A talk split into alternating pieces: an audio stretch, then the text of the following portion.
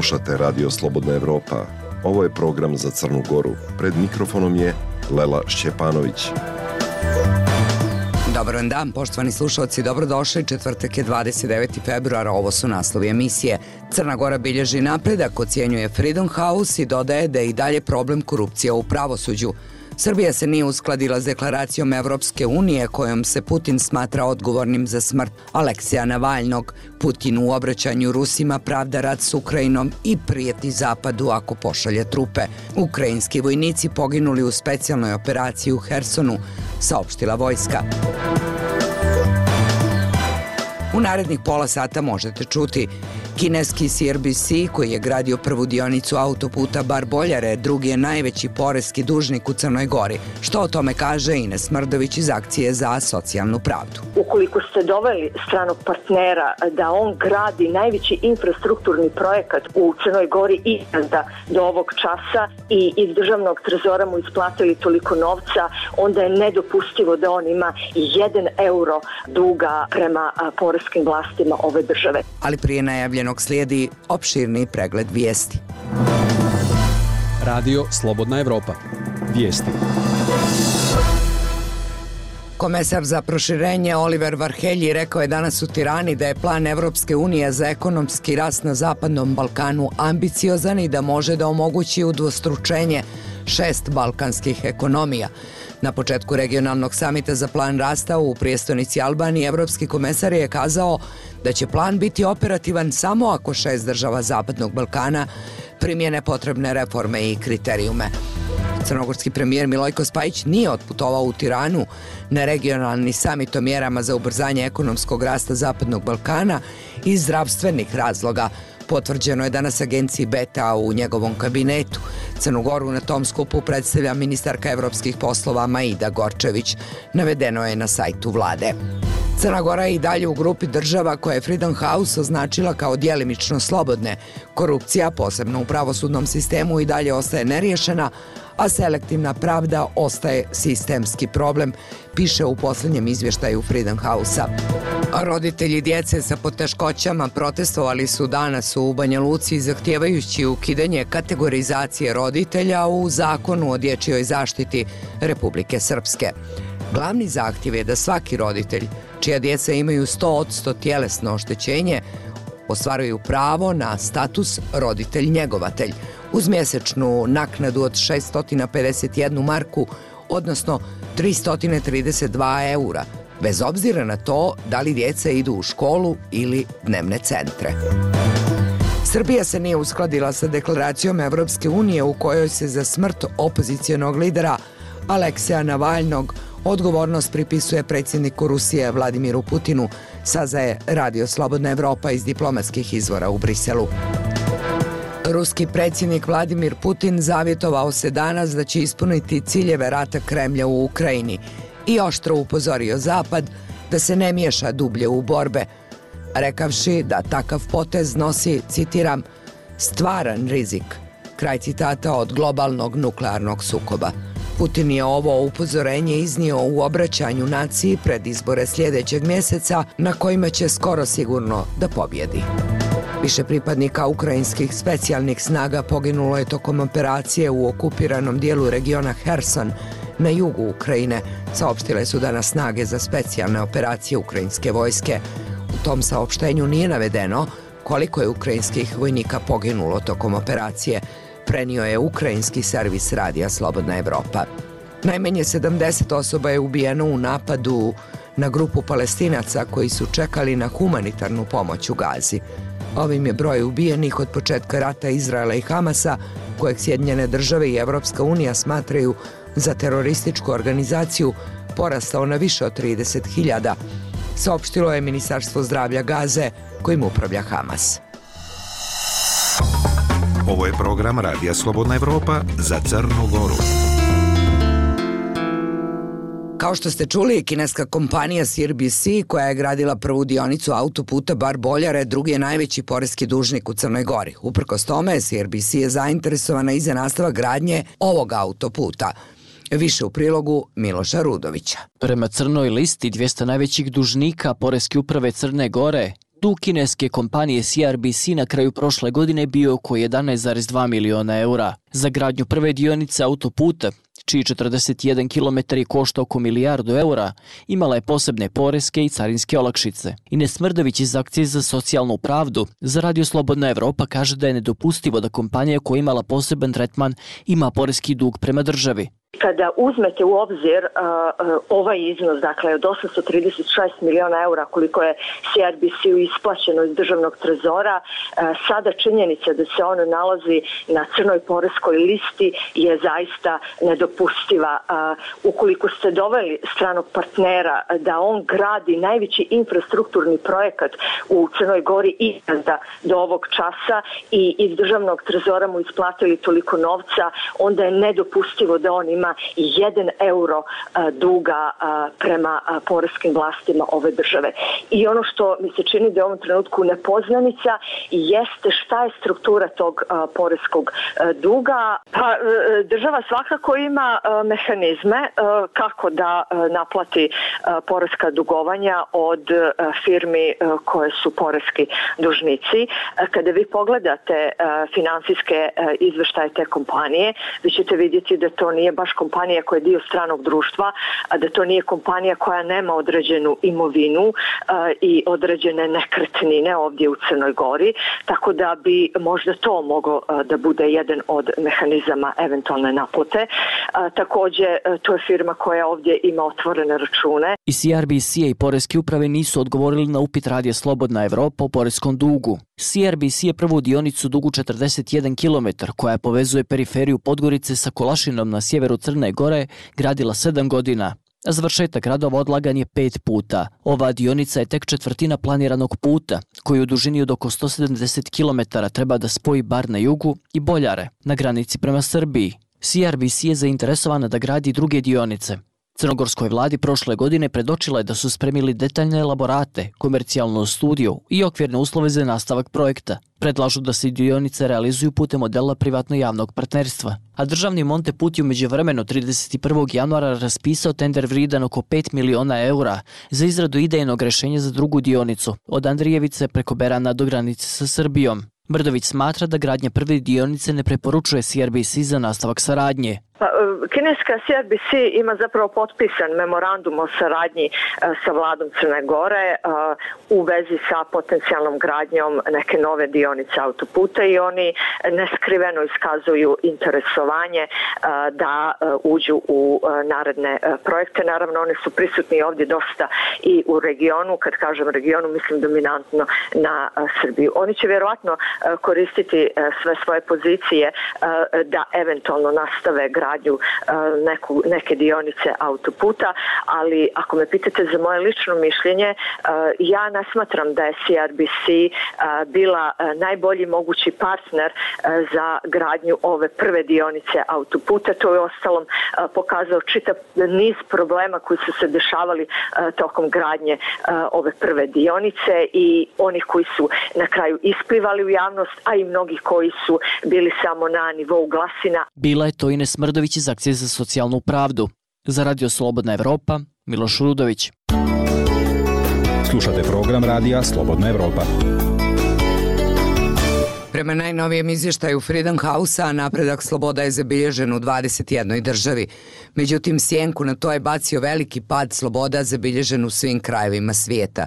Više o tome slušajte u prilogu Ive Gajić. Oružani sukobi i pretnje agresijom autoritarnih režima učinili su svet manje sigurnim i manje demokratskim, saopštili su iz Freedom House-a.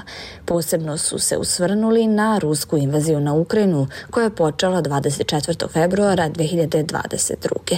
Istakli su da se sve više narušavaju osnovna prava u okupiranim ukrajinskim područjima, kao i da je zabeležen ozbiljan uticaj na i onako malo slobode koje je ranije postojalo postojala u Rusiji.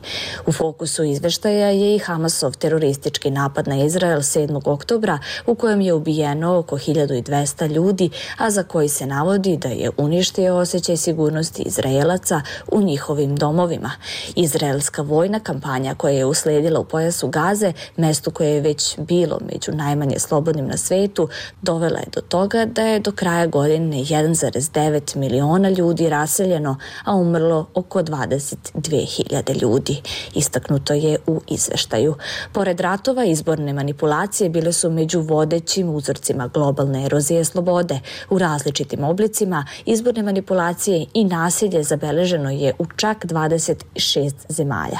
Kao primer ozbiljne pretnje demokratiji i izbornim procesima ističu nejednake uslove za opoziciju uspostavljene dugo pre samih izbora.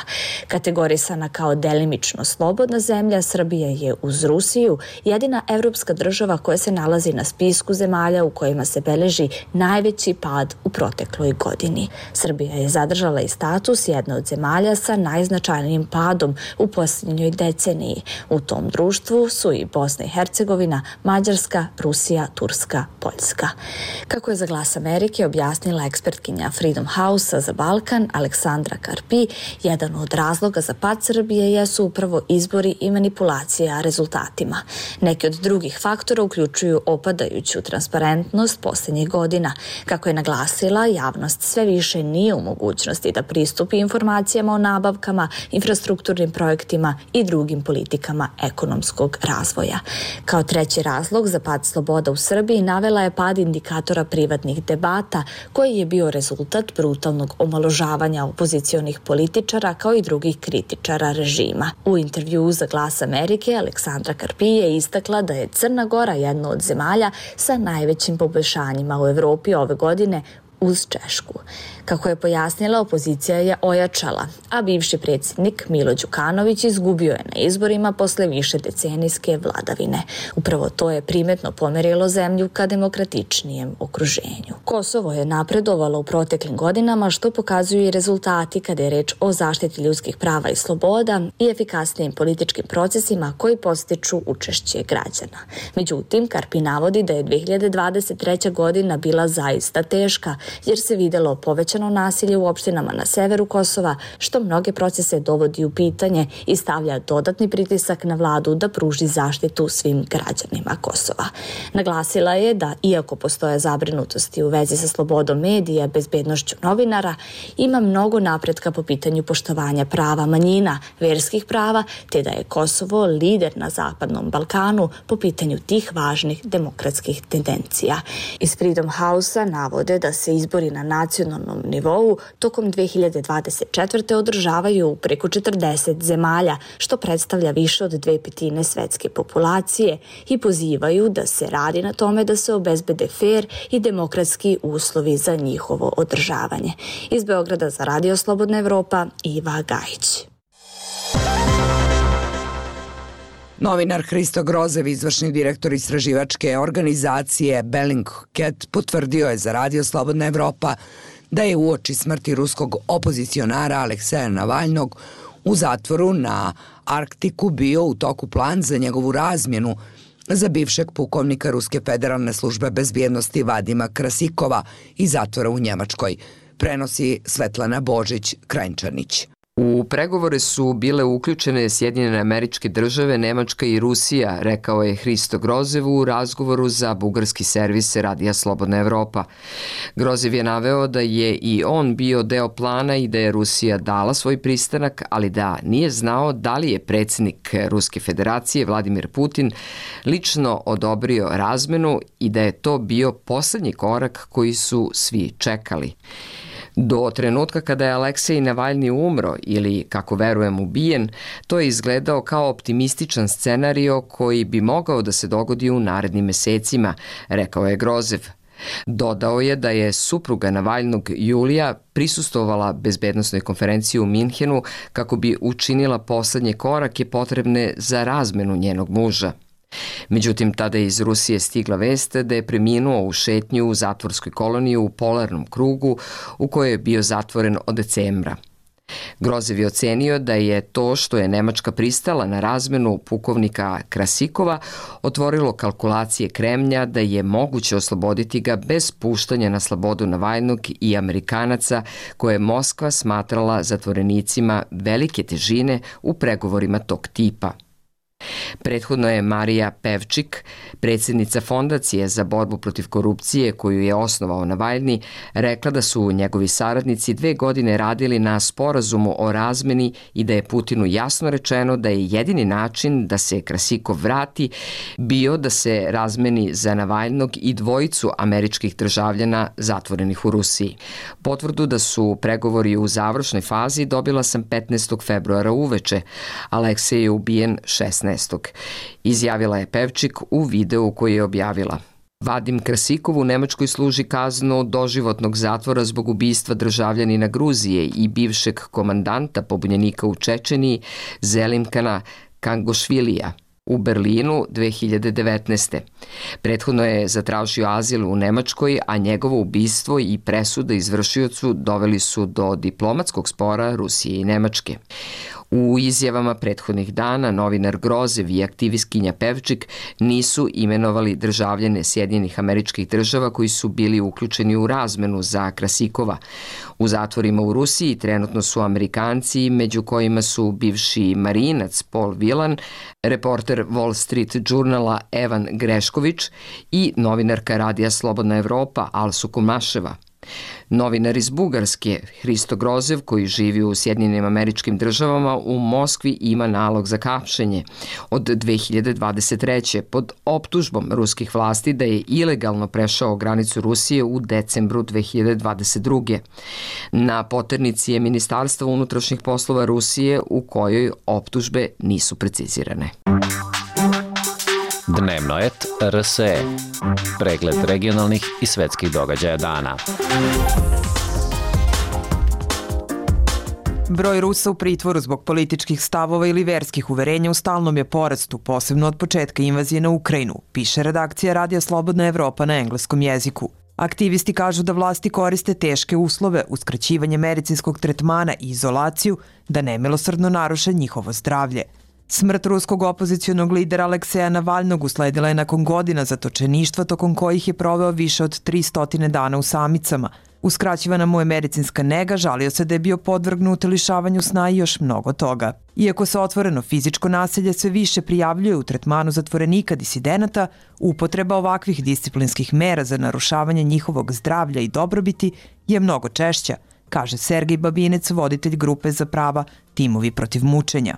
Opozicioni političar Vladimir Karamurza, koji je u aprilu osuđen na 25 godina zatvora zbog izdaje i drugih optužbi, nalazi se u samici u zatvoru Omsku, rekla je njegova supruga Jevgenija Karamurza za Current Time 22. februara – U postu na Telegramu iz decembra 2023. još jedan od najistaknutijih zatvorenika disidenata u Rusiji, opozicioni političar Ilja Jašin, koji služi kaznu od 8,5 godina zatvora zbog navodnog širenja lažnih informacija o vojsci, napisao je da ćelije veličine 3 puta 4 metra čine da se osjećate kao da ste zazidani u kamenu vreću. Očigledno je da je samica u nehumanim kaznenim ćelijama de facto legalizovana tortura, napisao je. Još jedan sve češći oblik maltretiranja zatvorenika je uskraćivanje neophodne medicinske nege. Igoru Barišnikovu, 64-godišnjem onkološkom pacijentu u Kalingaravskoj oblasti koji služi 7,5 godina zatvora po istom zakonu o širenju navodno lažnih informacija o vojsci, odbijeno je prevremeno puštanje na slobodu zbog pogoršanja zdravlja, uprkos tome što je u skoro stalnim bolovima. Grupa za ljudska prava Memorial koja je zabranjena u Rusiji trenutno navodi 255 određenih političkih zatvorenika u Rusiji i 424 zatvorenika koji se drže zbog svojih verskih uverenja. Pregled regionalnih i svetskih događaja dana potražite na dnevnoet.rse. Slobodna Evropa.org. Dan nakon što je Radio Slobodna Evropa objavio šemu prevare u Sjevernoj Makedoniji koja je korišćena za obmanu američkih građana, kreatori su počeli da brišu digitalne tragove. Deaktivirano je 33 od 88 sajtova preko kojih su kupcima u Americi nuđeni bezvrijedni artikli, javlja Miloš Katić. Vratit ćemo se tri puta jači bez sikiracije Poruka je koju su novinari Radio Slobodne Evrope zatekli na jednoj zatvorenoj Telegram grupi na kojoj su komunicirali makedonski prodavci lažnih debitnih kartica sa likom Donalda Trumpa. Ova grupa sa preko 400 članova jedna je od nekoliko koje su promenile naziv ili obrisale sadržaje nakon što su novinari Radija Slobodna Evropa razotkrili prevarnu šemu prodaje debitnih kartica, novčića ili drugih finansijskih proizvoda. Istraživanje Radija Slobodna Evropa prati digitalne tragove 69 pojedinaca koji su kreirali prevarne ponude za prodaju debitnih kartica sa likom Trumpa – Američkim građanima reklamira se da će danas kupljeni proizvodi sa likom Trumpa vredeti milione nakon njegovog povratka na vlast. Zapravo, nude se potpuno bezvredne kartice, novčići, stikeri, markice i brojni slični proizvod. Oglasi za prodaju vodili su kao 88 web sajtova koji su pronašli novinari Radio Slobodne Evrope. Danas trećina ovih sajtova ne radi. Ovakva reakcija prodavaca lažnih proizvoda za sada je jedina koja prati ovu priču. Nadležni organi u Severnoj Makedoniji i Americi nisu se oglašavali ovim povodom. Digitalni put od sajtova kupce je dalje vodio na platformu za plaćanje Copcart. Nakon objavljivanja istraživanja, novinari Radio Slobodne Evrope kontaktirali su ovu platformu, sva upućena pitanja ostala su bez odgovora. Iz Beograda za Radio Slobodna Evropa Natalija Jovanović i Miloš Katić. Slike svakodnevnice šta muči ili inspiriše mlade kako prošle političke odluke utiču na našu budućnost. Ove i druge teme slušajte u podcastima Radija Slobodna Evropa. Sve epizode pronađite na iTunesu, Spotify, Google podcastima, kao i na slobodnaevropa.org. Slušajte odmah ili preuzmite epizodu za kasnije. Tu smo svakog dana. Podcast i radija Slobodna Evropa.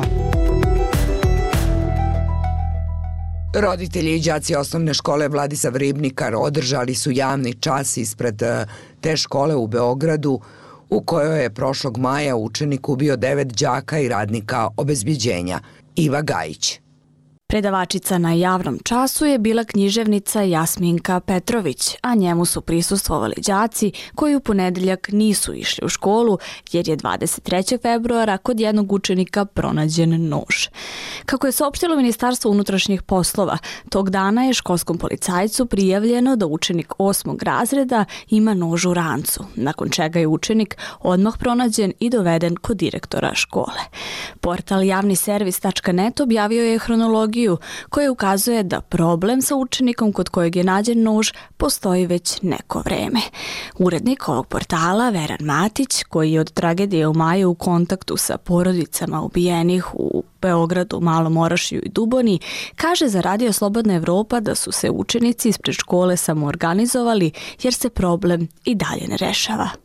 Ovo nije stvar koja se rešava u jednom odeljenju. Mislim, ovde su iz očaja uh, se učenici samo organizovali i roditelji uh, iz očaja što se to ne rešava. Jer oni su nekoliko puta je otkriveno, dakle i prvo pretnje, pa onda još jedan, nož, uh, da, a da se sve nastavlja po starom. Matić naglašava da je ovoj školi jako potrebna pomoć. Ovo je treći direktor sada. sad uh, voleo bi da svakako se tu stabilizuje situacija, ali jako je važno da se uh, ljudima pomogne i uh, nastavnom osobu da se pomogne na pravi način, da se oni ne osjećaju i dalje traumirani. Cela škola je verovatno kao i, celo, kao i svi mi uh, ovaj, pod traumom od, od, tog, uh, od tog trećeg i četvr, četvrtog. Okupljeni su tokom javnog časa zapalili i sveće ispred ulaza na kom se nalaze fotografije dece i čuvara koji su stradali prošle godine. 3. maja 2023. u ovoj školi je 13-godišnji učenik iz očevog pištolja ubio devet učenika i radnika obezbeđenja, a ranio pet učenika i nastavnicu istorije. Dan kasnije u odvojenom incidentu u selima Dubona i Malo Orašje u okolini Beograda napadač je vatrenim oružjem ubio osam osoba, mahom dece i mladih. U napadu je ranjeno 14 osoba. Iz Beograda za Radio Slobodna Evropa Iva Gajić. 18 godina tužilaštvu Srbije za ratne zločine dostupni su dokumenti koji ukazuju da je bivši oficir Vojske Republike Srpske Svetozar Andrić naredio iseljavanje nesrpskog stanovništva tokom rata na istoku Bosne i Hercegovine i osnivanje logora, ali istraga do sada nije pokrenuta. Saopštila je nevladina organizacija Fond za humanitarno pravo, koja je u Beogradu juče predstavila svoju knjigu o tom slučaju. Izvještava Dušan Komarčević. Nedim Salaharević imao je 14 godina kada je u Vlasenici, njegovom rodnom gradu na istoku Bosne i Hercegovine, proglašena opšta mobilizacija 92. godine. Njegov pet godina stariji brat Edin Salaharević, košarkaš Tuzlanskog kluba Sloboda Dite, već je imao titulu najboljeg igrača juniorskog prvenstva Jugoslavije. Edin nikada nije stigao da zaigra za seniorski tim jer je ubijen u logoru Sušica – čije osnivanje je naložio Svetozar Andrić, major Birčanske brigade Vojske Republike Srpske. Njegovi posmrtni ostaci pronađeni su u masovnoj grobnici 2009. godine. Izvršena je zvanična identifikacija ovaj, mog brata. Nažalost, mm, bio bi sretan da je ubijen mecima rekao je Nedim Salaharević na predstavljanju izveštaja Fonda za humanitarno pravo dosije Svetozar Andrić u Beogradskom medija centru. Osim brata, Salaharević je u logoru Sušica izgubio i oca. On i majka proterani su u Tuzlu. Kako se navodi u dosijeu fonda u periodu od aprila do decembra 92. u opštini Vlasenica ubijena je 901 osoba nesrpske nacionalnosti, od kojih se više od 300 osoba i dalje nalaze u evidenciji nestalih. Najmlađa žrtva imala je nepuna četiri meseca. Procenjuje se da je oko 14.000 bosanskih muslimana koji su početkom 90. živeli u opštini Vlasenica 97. imalo status raseljenih lica ili izbeglica. Vlasenica je uz zvornik Kalesiju Šehovića, Bratunac Miliće i Skelane bila u zoni odgovornosti Birčanske brigade, koju je vodio Svetozar Andrić. Logor Sušica u Vlasenici bio je najveći logor u zoni odgovornosti Birčanske brigade. Funkcionisao je od kraja maja do kraja septembra 92. Nalazio se nedaleko od centra Vlasenice u barakama šumarskog preduzeća koje su pre rata služile za skladištenje opreme i naoružanja teritorijalne odbrane. Zatočenici u logoru e, Sušica su svakodnevno e, bili zlostavljani i maltretirani, a od posledica batinanja je preminulo više zatočenika. Osim toga, desetine zatočenika je bilo streljano unutar ili u neposrednoj e, blizini logora. Žene i devojčice koje su u logoru držale, držane pod prisilom bile su silovane i seksualno zlostavljane od strane stražara kao i od strane drugih lica kojima je bio omogućavan pristup zatvorenicama. Rekla je istraživačica Fonda za humanitarno pravo Katarina Maruna. Osim Sušice na područjima na kojima je delovala Birčanska brigada, bilo je otvoreno još nekoliko logora u kojima su uglavnom držani civili, a Svetozar Andrić je ove objekte u više navrata posećivao, kaže Katarina Maruna. On je znao za uslove zatočenja i e, postupke stražara prema e, zatočenicima e, i takođe je nadređenu komandu redovno izvaštavao o broju zatočenika u ovim objektima. Već 18 godina tužilaštvu za ratne zločine u Beogradu dostupni su dokumenti koji ukazuju da je bivši oficir Vojske Republike Srpske Svetozar Andrić naredio iseljavanje nesrpskog stanovništva tokom rata na istoku Bosne i Hercegovine i osnivanje logora.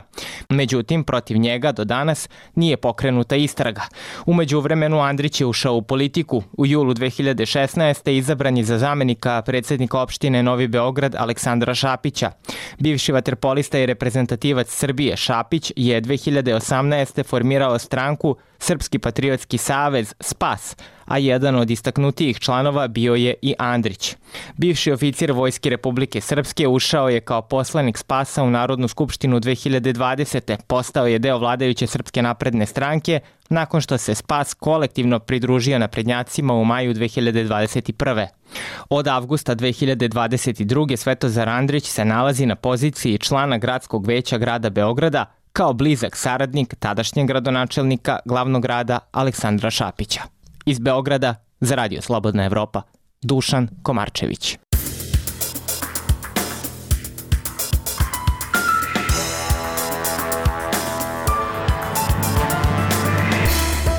I za kraj se još jednom podsjećamo naslova emisije.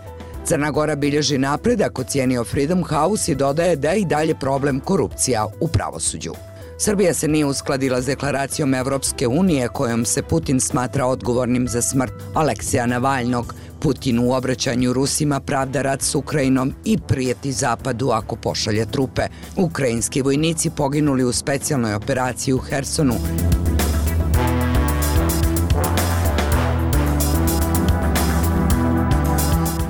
I to bi bilo sve za danas. U prethodnih pola sata sa vama su bile Vesna Jelčić i Lela Šćepanović. Hvala na pažnji.